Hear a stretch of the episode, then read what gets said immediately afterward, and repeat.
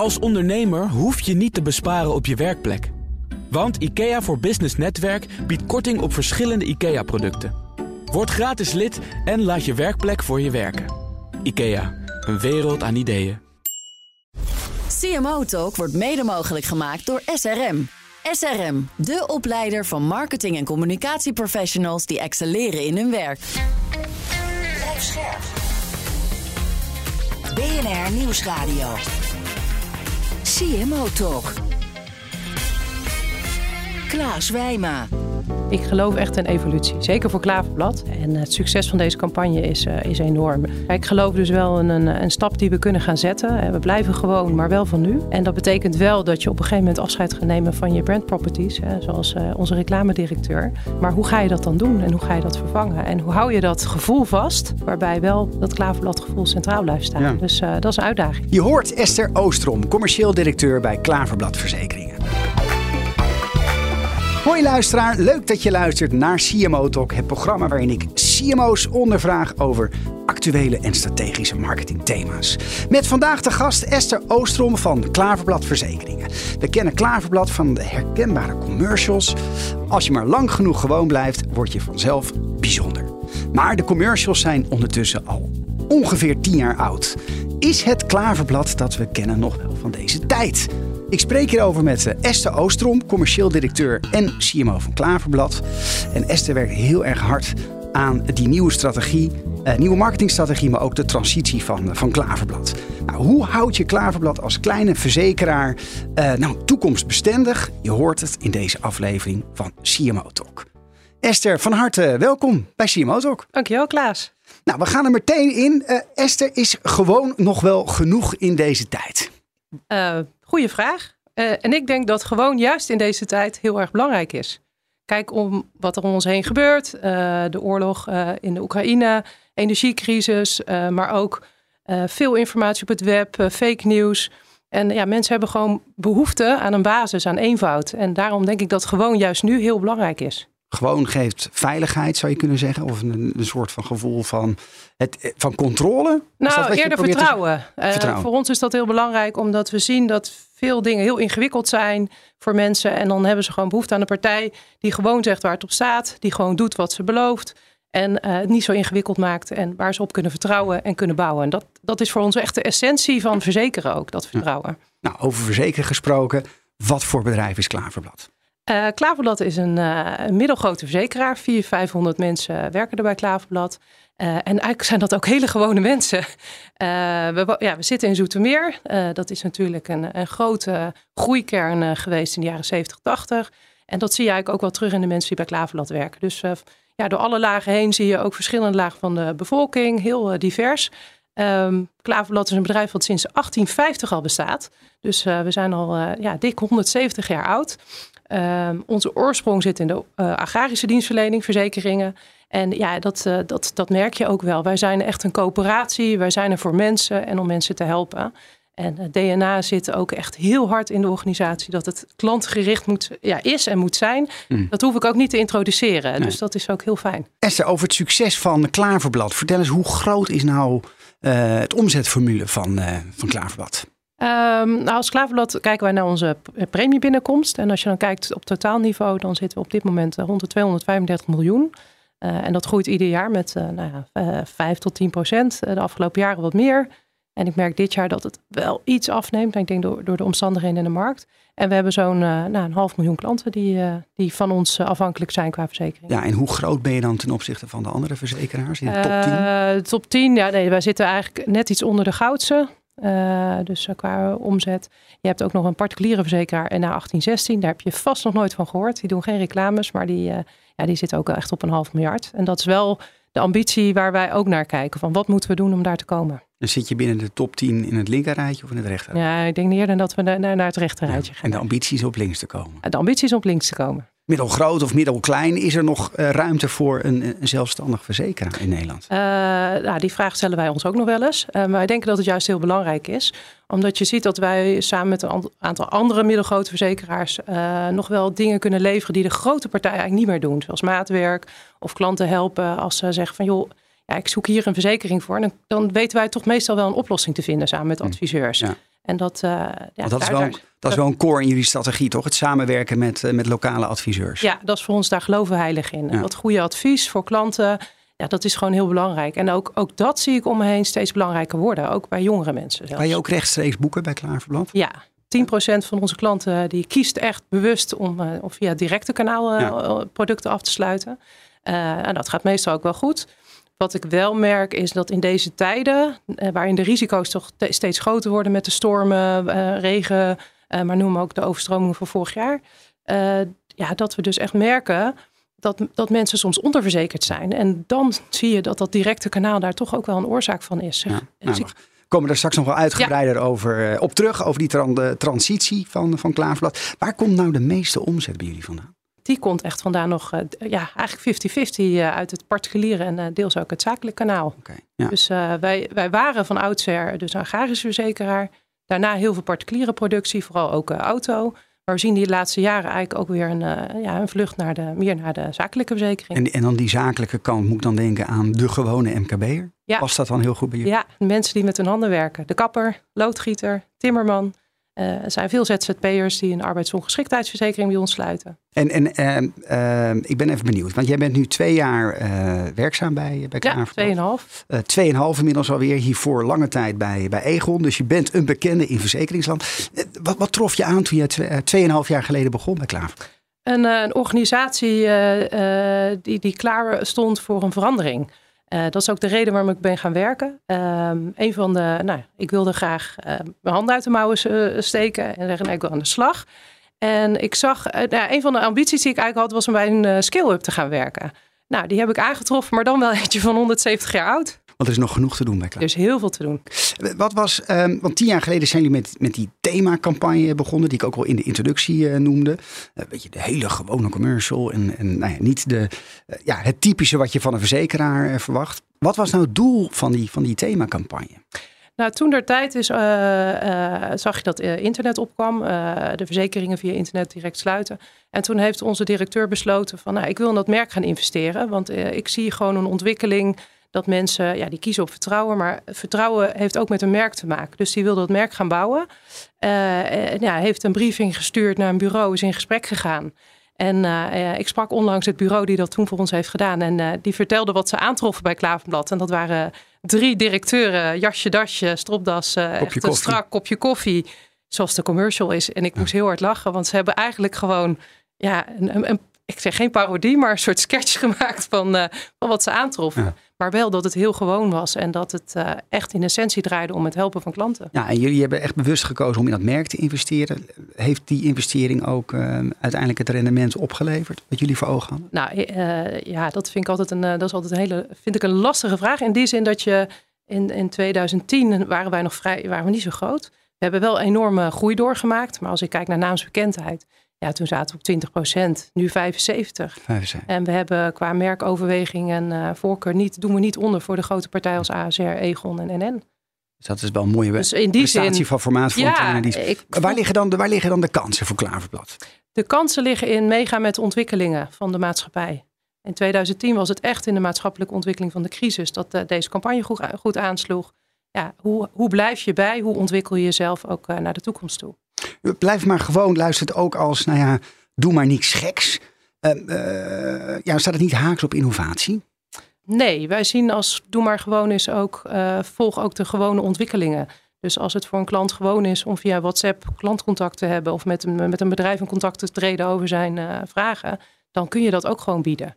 Dus ehm, innovatie hoeft niet haaks te staan op gewoon, maar wij volgen eigenlijk wel echte klantbehoeften. Dus wij gaan niet zomaar met een nieuw product komen als we, als we gewoon denken dat daar geen behoefte aan is. Gewoon hm. goede producten is al uh, wat ons betreft de essentie. Hey, um, je bent verantwoordelijk voor de hele divisie commercie. Uh, schrijf je ook op je LinkedIn pagina. 30 FTE inmiddels. Marketing, corporate communicatie, commerciële binnendienst, rayonmanagers, buitendienst. Oh, dat is nogal aardig wat toch? Hoe houd je nou feeling met het marketingvak? Nou, ik heb gelukkig ook een aantal teamleiders en managers die uh, die teams aansturen. Dus ik hoef niet in mijn eentje te doen. Uh, en, ja, en ik hou feeling met het marketingvak door uh, onder andere lid te zijn van, van de CMO-netwerk, het NIMA. Maar ook, ja, ik, ik lees artikelen, ik, ik volg de, de verschillende websites. En ja, het marketinghart blijft wel altijd kriebelen. Dus dat, dat gaat vanzelf. Ik wil je graag een aantal keuzes voor, voorleggen. Uh, je moet steeds één van de twee kiezen. En aflopen mag je er eentje uitkiezen die je wilt toelichten. Goed. Ben je er klaar voor? Ja hoor. Top. Merk of organisatie? Merk. Winst of marktaandeel? Marktaandeel. Groeien of verbeteren? Verbeteren. Werknemers of klanttevredenheid? Klanttevredenheid. Nee, nee. Medewerkers. Website of mobiel? Mobiel. Self-service of telefonische klantenservice? Telefonische klantenservice. Welke zou je graag willen toelichten? Um, ik denk de eerste. Organisatie of merk. Hm. Ja, ik ben natuurlijk wel echt bezig met organisatie. Maar ik geloof heilig in het feit dat je met een goed merk... en ook uh, als dat leeft in de organisatie en gedragen wordt... dat dat de basis is voor alles. Dus uh, het is geen marketingtrucje... Uh, dat is de essentie waar het bedrijf eigenlijk uit bestaat. En daar bouwt bijvoorbeeld ook onze klantenservice op door. Dus dat gewone, uh, maar ook dat bijzondere, daar is alles op gestoeld. En voor mij is dat wel echt de basis van een, van een organisatie. Nou, hoe komt dat tot uiting in, in, in, je, in je team? Um, hoe breng je dat tot uiting zelf? Hoe breng ik dat tot uiting? Ja, dat, daar hoef ik eigenlijk niet zoveel aan te doen bij Klaverblad. Dat is heel gewoon. En ons jaarplan van van de hele organisatie begint ook met het merk. Dat heb ik nog nooit eerder gezien. Dus ik was helemaal verbaasd. Ik denk, nou, hier valt niet zoveel te doen. er is natuurlijk wel wat te doen, want je wil dat merk ook verder ontwikkelen. Maar um, als je kijkt naar onze. Ja, we hebben gewoon goede producten. Aan de andere kant zeggen we ongewoon goede service. En dat merk speelt in dat laatste heel erg een belangrijke rol. En, en wat zijn de onderscheidende waarden van het merk? Kan je daar iets over vertellen? Uh, ja, we zijn uh, nou, de meest menselijke verzekeraar als ik uh, naar de imago-onderzoeken kijk. En belangrijke aspecten daarin is de behulpzaamheid van de mensen bij Klaverblad. maar de persoonlijke benadering, de dienstverlening. Dat je bij ons gewoon kan bellen, een mens aan de telefoon krijgt die ook de tijd voor je neemt. En je kunt je voorstellen, als je een schade hebt, dat zijn toch impactvolle gebeurtenissen. En soms is het gewoon uh, dat je zegt, nou joh, uh, was een klein deukje, dan uh, heb je daar niet zoveel tijd voor nodig. Maar bij een grote brand, ja, dat heeft zoveel impact. Dan is die immateriële schade veel, veel groter. En dan is het fijn als je even bij een mens je verhaal kan doen. Hmm. En dan ben ik ook heel blij dat wij geen timer erop hebben staan dat, dat de telefoon na vijf minuten moet worden opgehangen. Omdat je tot zaken moet komen. Wij nemen de tijd en dat voelen mensen. Ja, en dat, dat vertaalt zich ook in een wat hogere prijs uh, voor de uh, Nou, dat niet zozeer. Het vertaalt zich in ieder geval een hele hoge NPS. Uh, want die is echt eh, boven de 60. Nou, dat is voor een verzekeraar volgens mij redelijk uniek. ja, wij proberen dus die prijs op een andere manier te beïnvloeden. ja, mensen betalen natuurlijk een premie. Maar we proberen de kosten op andere manieren laag te krijgen in de toekomst. Ik hoor een beetje een parallel met de Volksbank. Ja. natuurlijk ook staat voor menselijke, bankieren met een menselijke maat. Ja. Um, hebben jullie wel eens uh, met elkaar overlegd van uh, kunnen we niet een Rabobank Interpolisje doen? Nou, nog niet. Misschien, uh, ik ben wel op zoek naar alternatieve manieren voor groei, dus ik, ik zal deze zeker meenemen. Hey, um, jullie zijn druk bezig met de transformatie, zoals ik net al aangaf, en het, het meer toekomstig bestendig maken van, van Klaverblad. Wat zijn hierbij nou jouw grootste uitdagingen? De mensen meekrijgen is een hele grote uitdaging. Er zijn mensen die al 30, 40 jaar bij ons werken. Dus eh, die, die moeten mee en die, die willen ook deels mee. Maar ja, die willen ook behouden wat goed is. Um, Hoe doe je dat? Hoe krijg je mensen mee? Ja, heel, eh, heel traject. We zijn nu bezig met onze, eh, we hebben onze waarden herzien. Die gaan we langzaam uitrollen, gaan we in gesprek. Dat doen we, ja, daar nemen we echt tijd voor. Dat kost ook veel tijd. Dus, uh, en dat is mijn tweede zorg eigenlijk wel. Vraag ik de mensen niet te veel. Want ze moeten en de run, hè, de, de huidige dingen, de business laten doorlopen en meedenken in die verandering.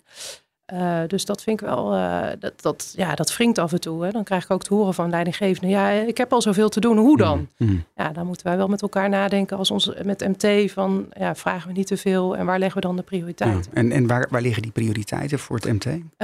die liggen echt bij de, bij de gezondheid van onze portefeuilles en ja, de beheersing, zorgen dat we wat we binnenkrijgen, dat het goede, hè, goede klanten zijn. Dat we niet het geld eh, wat we binnenkrijgen meteen weer eruit laten lopen. Um, en Hoe differentiëer je eigenlijk uh, op, op of het nou een goede klant is of niet? Heb je daar data voor? Of? Ja, wij hebben heel veel data over de schades. Dus wij kunnen zien hoe, een hoe gezond een portefeuille is. En een van de doelstellingen voor mij als, uh, nou, vanuit commercie is gezonde premiegroei. Dus ik heb gezegd, ja, ik kan wel 10% groeien. Maar als dat uiteindelijk voor iedere euro uh, eh, 1,50 euro kost, dan wordt niemand blij. Dus ik ga liever voor die goede voor klanten waarvan we weten, nou, dat past wel bij ons profiel en onze, uh, onze hele pool aan klanten. Hè, want het is uiteindelijk een collectief. En uh, ja, de ene klant betaalt ook voor de ander. Dus je wil dat gezond houden. Ja. En daar, uh... Maar is die, is die data niet helemaal uh, beschermd? Dus ik stel, ik wil klant worden bij Klaverblad. En kan jij, kan jij in een database zien van, nou, meneer Wijma, die heeft dit schadeverloop en die wil ik wel als klant hebben? Nou, we kunnen bepaalde dingen wel zien. Er zijn allerlei tools voor. Dus je kan zien of iemand fraude heeft gepleegd of heel veel schades heeft gehad. Hm. Maar ja, het belangrijkste voor mij is die adviseur. Die kijkt jou in de ogen en die denkt, die meneer Wijma, die ken ik, die woont bij mij om de hoek. Ja, daar zijn die adviseurs voor ons, uh, die zijn de, de pijlstok. Ja. En uh, die kijken met ons mee. Maar is dat niet een beetje outdated, Esther? Dat je denkt van, ja, afhankelijk zijn van zo'n adviseur. Tegenwoordig is alles digital first. En ja, uh, het voelt een beetje inderdaad kneuterig van dat je nog naar zo'n oud kantoortje moet om dan met die adviseur te praten. Wat, ja, wat en dat dacht ik ook. Laat ik eerlijk zijn. En ik ben, uh, we kennen elkaar wat langer. Ik ben uh, vooral van internetmarketing. Maar uh, hier heb ik toch wel gezien wat, wat dat goede advies doet. En dat steeds meer jongeren ook aangeven dat ze eigenlijk door de bomen het bos niet meer zien op internet. Wie moet ik geloven? Um, waar moet ik heen voor een goede keuze? Ja, en verzekeren is risicomanagement. En ja, kijk, als je je eerste auto koopt, is het nog niet zo moeilijk. Maar als je een huis koopt, opstalverzekering. Welke risico's moet ik nou wel mee verzekeren? nou, inzittende verzekering. Ik weet niet of jij hem hebt, maar waarom en waarom niet? Uh, dat zijn keuzes die met een adviseur doet, die ontzorgt je. En dat vinden mensen in deze tijd toch eigenlijk wel heel erg prettig. Ja, hey, uh, over die transformatie, want ja, digitalisering is een, een belangrijk onderdeel uh, van, van die transformatie. Um, ja, hoe ga je die klus uh, klaren, Esther? Hm. nou, dat, is een, dat is een behoorlijk traject. Wij hebben veel te doen. We hebben een, een, een, systeem wat we ooit zelf hebben gebouwd. Dus dat wordt nu uh, ja, veranderd. We gaan een uh, systeem aankopen wat in de markt al bewezen technologie is. Dus dat is zeg maar stap 1. We hebben gekeken van uh, wat werkt er al. En we gaan niet iets nieuws verzinnen. Het tweede is dat we ook hebben gezegd, we willen automatiseren wat, we, wat geen waarde toevoegt in de, in de, in de klantreis en in de, de reis van de adviseur.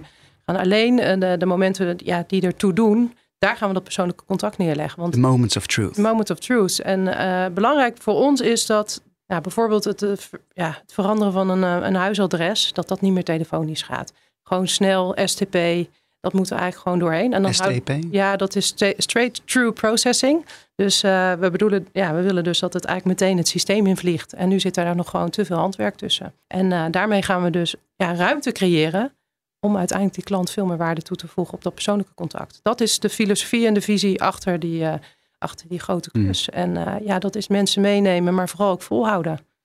Als je nou terugblikt op die nou, inmiddels 2,5 jaar dat je bij Klaverblad uh, zit, waar ben je nou het meeste trots op? Ik ben het meest trots op, um, ja, op de, ook wel de distributiestrategie die we neer hebben gezet.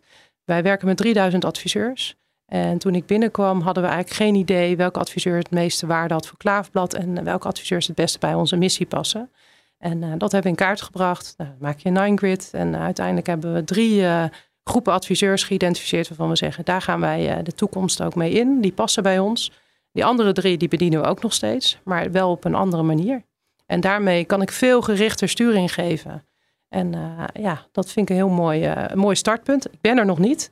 Want nu is eigenlijk de kunst van hoe gaan we daar ja, veel meer activeren? Hoe ga je nog harder sturen? Hoe ga je dat inzichtelijk maken? Dat vind ik eigenlijk ook wel een hele mooie uitdaging. Ja, mooi. Hey, en uh, fast forward 2,5 jaar van nu. Wat zou je dan willen hebben bereikt? Nou, dan is 2025. Dan hebben we onze uh, nieuwe systeem geïmplementeerd. Dan werken alle mensen uh, eigenlijk met vernieuwde technologie. Hebben we veel meer data. Kunnen we ook nog beter en gerichtere keuzes maken. Uh, maar kunnen we klanten ook veel beter gaan helpen. En ook onze adviseurs, uh, ja, die zijn dan niet meer een uurtje met ons bezig qua administratie, maar hebben het in vijf minuten klaar, net als bij onze concurrenten. En daarmee zetten we echt een behoorlijke stap voorwaarts. Daarnaast blijven we dan ook nog gewoon maatwerk bieden. Dus in de markt zullen we dan bekend staan als de verzekeraar die altijd met je meedenkt en kijkt wat er wel mogelijk is. Is ja, die, die menselijke maat aanhouden, wat, wat zo belangrijk is in jullie positionering. Hè? Dat is echt super onderscheidend, denk ik. Um, ja, valt dat wel te rijmen met, met dat automatiseringstraject wat je nu aan het doorvoeren bent? En hoe, hoe, hoe zorg je er wel voor dat die, ja, uh, die menselijkheid in dat digitale contact ook tot uiting komt? Nou, oh, we weten nog niet hoe dat contact er precies uit gaat zien. Hè. Ik, ik, heb wel de ambitie om daar bijvoorbeeld een WhatsApp aan toe te voegen of een chat. Maar de digitalisering zal met name plaatsvinden ja, op die momenten waar die klant eigenlijk op dit moment zegt: waarom moet ik daarvoor bellen? Die adviseur met name, hè, die moet veel handelingen voor ons doen. Ja, die die bij andere partijen al gewend is dat die vanzelf gaan. Uh, dus dat, ik denk dat het juist heel erg gaat helpen om die persoonlijke benadering veel meer invulling te gaan geven. In plaats van dat je met heel veel administratie bezig bent. Want dat leidt eigenlijk allemaal af van hetgeen wat je echt wil doen. Je, je, noemde net die moments of truth. Kan je, kan je dat concreet maken? Van, van wat zijn nou die momenten in jullie customer journey waar zeggen, daar kunnen wij nou echt als klaverblad verschil in maken? het belangrijkste is als er schade is, dan uh, maken we het meeste verschil. Um, want dan zijn we er voor klanten of voor adviseurs om ze te helpen. En een mooi voorbeeld vind ik de grote storm in februari. Ja, dan hoef je bij ons in de organisatie niet eens te vragen wat mensen doen. Want iedereen zit op zaterdag klaar om de telefoon op te pakken. Wij zetten het niet door naar een, eh, naar een SOS. Dat is een, eh, een, ja, een provider die zeg maar dan de telefoon opvangt voor de meeste verzekeraars. Bij ons heb je binnen een paar seconden iemand aan de lijn. En, en dan kan je vertellen dat inderdaad je dak eraf gevlogen is. En dan helpen wij je verder. Ja, dat vind ik echt de, de momenten van de waarheid waar het toe doet. En dat je er echt voor die klant bent. Vind je eigenlijk dat, het, dat marketeers in het algemeen ja, toch een beetje te ver afstaan van de klant? Uh, ja, denk het wel. En uh, wat ik heb gemerkt, met name bij, de, bij mijn vorige werkgever bij Egon, was, vond ik zelf ook dat ik heel ver weg stond van die klant. En ik merk dat ik daar veel dichterbij kom nu uh, in een kleinere organisatie. En ik probeer ook mijn collega's bij marketing nu in het team, jongens, verdiep je in die klant. Haal veel meer van buiten naar binnen. En, en, ga eens meeluisteren. Dus ook alle nieuwe collega's die nu binnenkomen, zeggen, nou, ga maar een stage inplannen. Want dat heb ik net ook gedaan. En dat is ontzettend waardevol. En hoe vertaal je dat dan weer terug op propositieniveau, wat je hoort? Dat doen we nog onvoldoende, Klaas. Wij, op dit moment is productontwikkeling staat bij ons even op een laag pitje. Dus ook proposities. maar dat is een van de dingen die wij volgend jaar willen gaan oppakken. want wij horen uit de markt wel dat er behoefte is aan een bepaalde insteek bij producten. En die willen we ook gaan vertalen, met name in de zakelijke markt. Uh, maar door die transitie en ja, staat, kunnen wij gewoon, uh, zijn dingen gewoon in een, we dat, in een vries beland. Dus we kunnen, mogen niks aanpassen. Nou, de website van Klaverblad die ziet er nog heel gewoon uit, maar is dat wel een voordeel? Zo moeten klanten nog ja, best wel wat formulieren invullen online en is er geen mijn omgeving, omgeving voor AOV-verzekerden. Ja, is dat wel klantvriendelijk? Ik heb een stelling voor jou, Esther, en het is als volgt. Een digital first strategie is noodzakelijk voor het behoud van je marktaandeel. Goh, ja, je hebt hem wel nodig. Het klanten, wat klanten verwachten van ons. En het, het is, uh, ook al zijn ze verzekerd bij een adviseur, ik ben ervan overtuigd dat dat samen kan gaan. Dus uh, als een klant wat wijzigt in de mijnomgeving in de toekomst, dan krijgt die, de, de adviseur daarvan een seintje. En dan uh, weten wij dat als maatschappij, maar die adviseur ook. Wat er nu gebeurt, is dat klanten ons bellen, maar die adviseur dus nooit geïnformeerd wordt over bijvoorbeeld een verhuizing. Ja, en dan gaat het mis. Dus, uh, want dan kan hij eigenlijk niet goed adviseren. Dus ik, ik geloof wel dat een digital first omgeving voor ons heel erg uh, gaat bijdragen in, in groei. Nou, hoe, hoe, komt dan toch dat de, de, de website en de UX nog een beetje outdated overkomt? Omdat daar gewoon minder in, in geïnvesteerd hm. wordt. Wij investeren veel in, in ons extranet voor adviseurs. daar ligt ook de focus. En de, de weinige ruimte die we nu hebben op IT-vlak zetten we daarop in. En minder op die eindklant. Want wij kiezen voor die adviseur. Ja, en en de, de, dat gaat wel veranderen binnen. Dat is de ambitie. Dus uh, wij gaan uh, met onze transitie ook zorgen dat er een, uh, een fatsoenlijk mijnportaal komt, mijn omgeving, of een, een, een klaverbladportaal voor klanten, naast het extra net voor adviseurs. En toen ik net binnenkwam, kan ik je ook eerlijk zeggen, zei ik, waarom zetten we die hele omgeving niet uit? Want die klant kan er helemaal niks. Dus ja, het is echt. Vloek in de kerk? Nee, dat niet, maar was misschien iets te, te bold. Is dat, uh, heb je er wel soms een beetje last van dat je net even iets te, te hard erin vliegt? Nee, kan iedereen wel hebben. En het valt wel mee. Ik kan ook heel goed nuanceren. Ja. je ziet ook met kraalootjes en een grote glimlach naar me, naar me te glimlachen. Dus volgens ja. mij kom je met charme ook net. Hey, hoe belangrijk zijn vergelijkingsplatformen in jullie marketing? Um, in de marketing, nou wel belangrijk, want ze zorgen wel voor wat volume. Enige nadeel vind ik, en dat hangt een beetje van het platform af, uh, dat er ook uh, ja, niet altijd uh, hele goede premie, of noem dat, uh, risico's naar binnen komen. Dus dat hmm. je een beetje het afvoerputje krijgt. En, uh, en ik wil eigenlijk geen klanten die kiezen om prijs. Ik wil klanten die kiezen om ja, wat wij verzekeren. Voor, echt gewoon goede producten willen. En niet alleen maar een hele lage prijs. Ja, ja dat, is, dat, dat gaat dan vaak mis bij die, bij die nou ja, platformen. Dat, dat is een beetje kafkoren. Ja. Hey, en zijn die, zijn die um, vergelijkingsplatformen wel, wel zo onafhankelijk? Uh, die vraag had ik onlangs uh, ook. Toen ik was bij Independer. En, uh, maar die zijn in, inmiddels overgenomen door de, de, door de media of persgroepen. Media, hoe, hoe, hoe heet dat ja, tegenwoordig? DPG. DPG, ja. En ja, dus die zijn wel onafhankelijk. Die doen heel veel met data.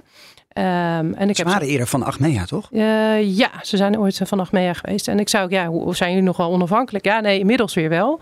En wat ik wel mooi vind, is dat zij ook meer als partner met ons willen gaan kijken hoe kunnen zij hun data inzetten. Om ook te zorgen dat wij dan ook tevreden zijn met de klanten die ze aandragen. Dus eh, dat is echt wel een partner waarvan ik denk dat je in gesprek met elkaar ook wel tot, uh, tot nieuwe inzichten kunt komen en een andere samenwerking.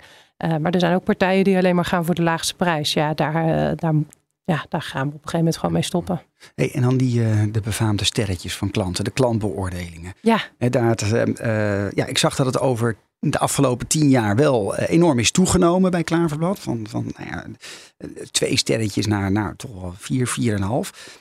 Kun je daar nou echt op bouwen? Of, of zit er gewoon ook heel veel ja, fake, fake aanbevelingen bij? Nee, het zijn, ze zijn allemaal echt. Zijn, uh, en dat is een van de dingen waar we prat op gaan. We zijn een van de weinige verzekeraars die die reviews op de website heeft gezet. En die zijn ook echt, mm. dat zijn echt de eerlijke reacties van klanten. Ja, want hoe check je of, of iets echt is tegen? Nou, we weten, wij vragen dat uh, letterlijk op het moment dat we een klant hebben geholpen, wil je een review plaatsen. Dus dan, ja, dan heb je al contact. Dus mm. dan ben je op dat e-mailadres ook met elkaar aan het corresponderen.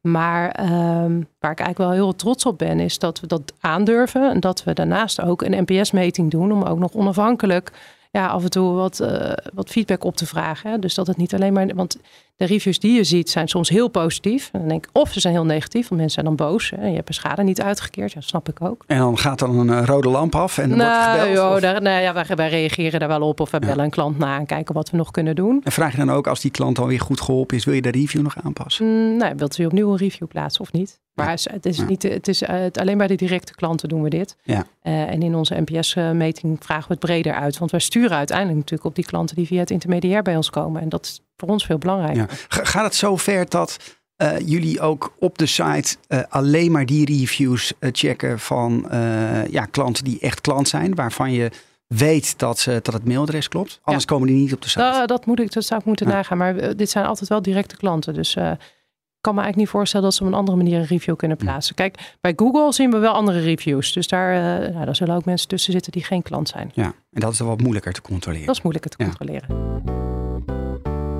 Elke aflevering krijgt uh, onze gast de mogelijkheid een vraag te stellen aan de komende gast. Ja. En uh, in de vorige aflevering had ik Nienke van der Streek. Uh, zij is marketingdirecteur en communicatie bij Aldi. En zij heeft jou de volgende vraag gesteld. Nou, ik heb de lopende campagne gezien en ik zag dat daar ook heel erg de nadruk wordt gelegd op. Wij, wij zijn er voor mensen, wij doen, dat, wij doen het met mensen voor mensen. Dat lijkt mij in deze tijd een kostbare stelling. Hè? Dat arbeid is duur en goede mensen zijn ook te krijgen. Dus ik vraag mij af. Uh, hoe, zij, hoe zij dat combineert. Enerzijds die belofte, het gaat ons om mensen. Anderzijds die moeilijke situatie rondom kwaliteit en, betaalbare goede, goede uh, medewerkers. Hoe ze dat combineert in de dagelijkse bedrijfsvoering. Voor ons zijn de, de mensen die mensen helpen, dat is, dat, dat is onze belofte. Dus daar zit de waarde. en daar willen we dus niet op bezuinigen.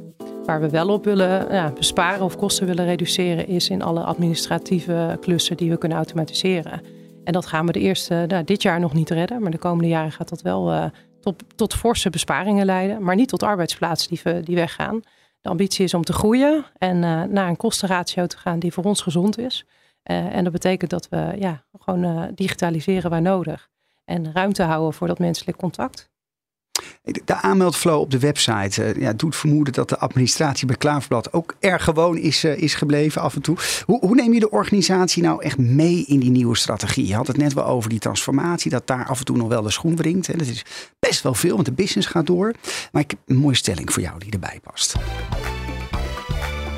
Legacy is de grootste vijand in de transformatie van Klaverblad. Uh, ja, daar ben ik het volmondig mee eens. Uh, en dat heeft ook te maken dat er, er is legacy in, uh, in onze systemen. Maar is ook legacy in het feit dat er uh, niet alles is vastgelegd. Dus de processen die zijn, ja, die zijn nog nooit opgetekend. Architectuurplaten, noem maar op. Het is allemaal organisch ontstaan. Het werkt heel goed. Dus dat, is, dat vind ik echt heel knap. Jongens, het, we, doen er ontzettend goed ons werk mee. Maar in de, in de ontwikkelingen die nu gaande zijn, kun je daar, kun je, red je daar de toekomst niet mee. Nee, dat lijkt me ook levensgevaarlijk. Hè? Ja. Dus met, met wat hoger verloop misschien in deze tijd. Ik weet niet Ja. of, of mensen loyaal zijn bij Ja, Klaar. heel loyaal. Ja? Wij eh, hebben wel eh, vrij lange dienstverbanden. Eh, ja, tot sommigen zelfs 40 jaar. Ja. Ja, Ja. maar dan stel dat iemand dan inderdaad met pensioen gaat en die heeft ja, dat hele CRM aan elkaar geknoopt. Ja. Ja. die gaat weg. Ja. En dan? Nou, dat hebben we ook wel aan de orde zijn. eh, we hebben Klaviatuur, dat is ons systeem waar wij ons Polische eh, administratie in hebben. En eh, ja, daar zijn maar een paar mensen die dat nog kunnen onderhouden. Hmm. Dus als we daar een wijziging in hebben, dan ja, kun je in de. we willen heel, heel graag agile werken, maar ja, je hebt maar twee personen dus, die dat kunnen. Dus dan, ja, dan, dan hoopt het een beetje op. Hey, ehm, ik wil je nog een aantal persoonlijke vragen stellen, als het mag. Wat zijn de belangrijkste lessen in je carrière die je nu toe hebt, hebt geleerd? Een van de belangrijkste lessen was toch ook wel als ik eh, ja, een aantal jaar geleden, ik geloofde echt in een eh, gamification platform. En eh, nou, daar waren we, dat was wat weerstand. Dat was een investering. Die eerste versie was niet helemaal van de grond gekomen. Maar ik geloof er zo heilig in dat ik, dat ik daarvoor ben gegaan. En ook de moed heb getoond om te zeggen, nou, op deze manier zou ik dat graag willen doen. Daar gelukkig ook een ruimte voor heb gekregen. En eh, ja, dat heeft toch wel mij geleerd dat als ik ergens echt in geloof, dat ik ook de weerstanden weg kan nemen. En dan, eh, dan maar ook voor hem kan gaan. En, eh, en het ook tot het succes kan brengen. Hey, ehm, wanneer in jouw carrière ben je gevallen en hoe ben je weer opgestaan? Gevallen. Mooie vraag. Uh, ook even over nadenken.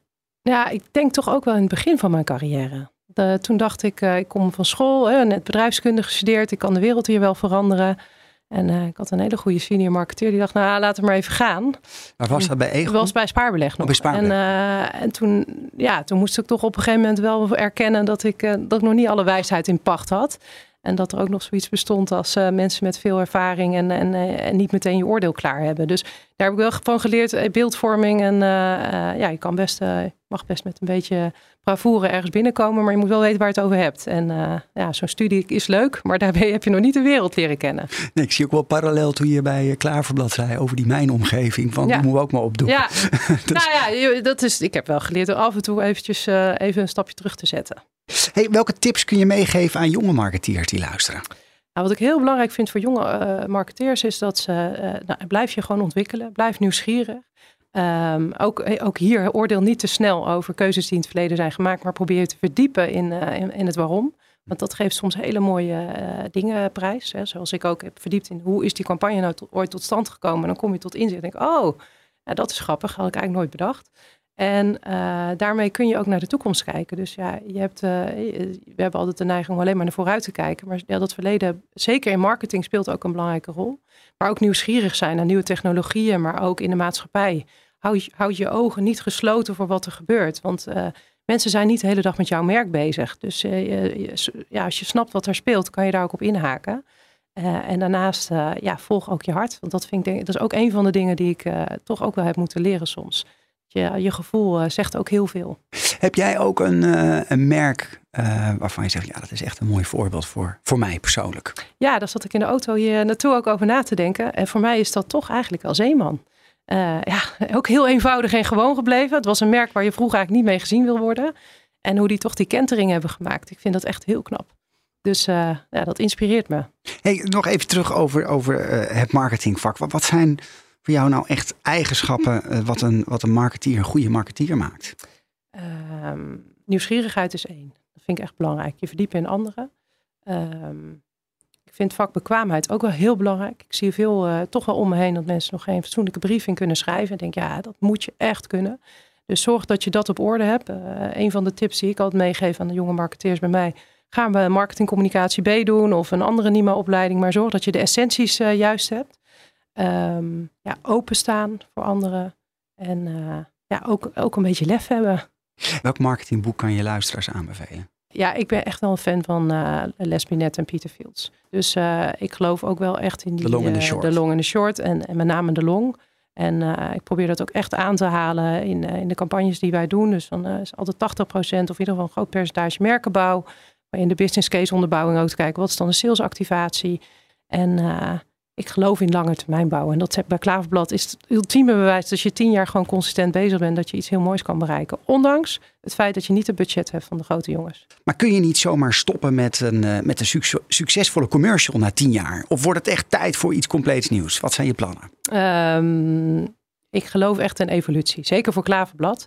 Uh, en het succes van deze campagne is, uh, is enorm. Iedereen kent het. Zelfs jonge mensen die bij ons in dienst komen, die kennen de oude reclames.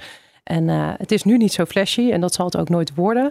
Moet bij ons passen. Maar ik geloof dus wel een, een stap die we kunnen gaan zetten. We blijven gewoon, maar wel van nu. En dat betekent wel dat je op een gegeven moment afscheid gaat nemen van je brand properties, hè, zoals onze reclamedirecteur. Um, maar hoe ga je dat dan doen en hoe ga je dat vervangen? En hoe hou je dat gevoel vast naar de toekomst toe, waarbij wel dat klaverbladgevoel centraal blijft staan. Ja. Dus uh, dat is een uitdaging. Ja, ja wat heb, heb je bijvoorbeeld ook wat geleerd van ja, het afscheid wat Albert Heijn nam van hun ad property, Harry Piekema? Uh, ja, daar, daar, daar, kijk ik ook echt naar. Dus van hoe doe je dat? En, en het belangrijkste is ook, ja, hoe, pak, hoe pak je dat strategisch aan? ga je dat Gaan we met pensioen sturen in een commercial? We hebben geen pensioenverzekeringen, dus uh, hoe logisch is dat? Maar ja, hoe doe je dat op een natuurlijke manier? En, uh, en, en ja, uiteindelijk willen we ook wat meer naar buiten. Hè? Dus dat zie je in de laatste commercials al. We staan bij de boer, we zijn bij de klant thuis. Vroeger was het altijd in het pand, in die lift.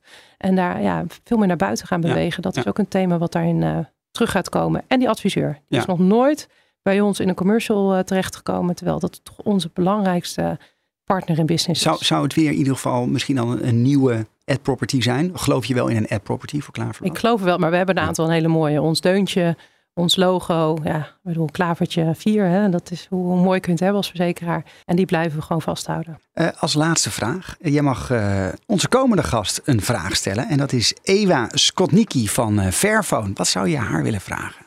Nou, ik heb daarover nagedacht. En Fairphone doet natuurlijk iets ontzettend moois. Um, zij geven aan dat ze uiteindelijk ook een soort uh, rol willen spelen om de hele branche naar uh, ja, duurzamere telefoons toe te willen bewegen. Zie ik een mooie parallel met Tony Chocolonis.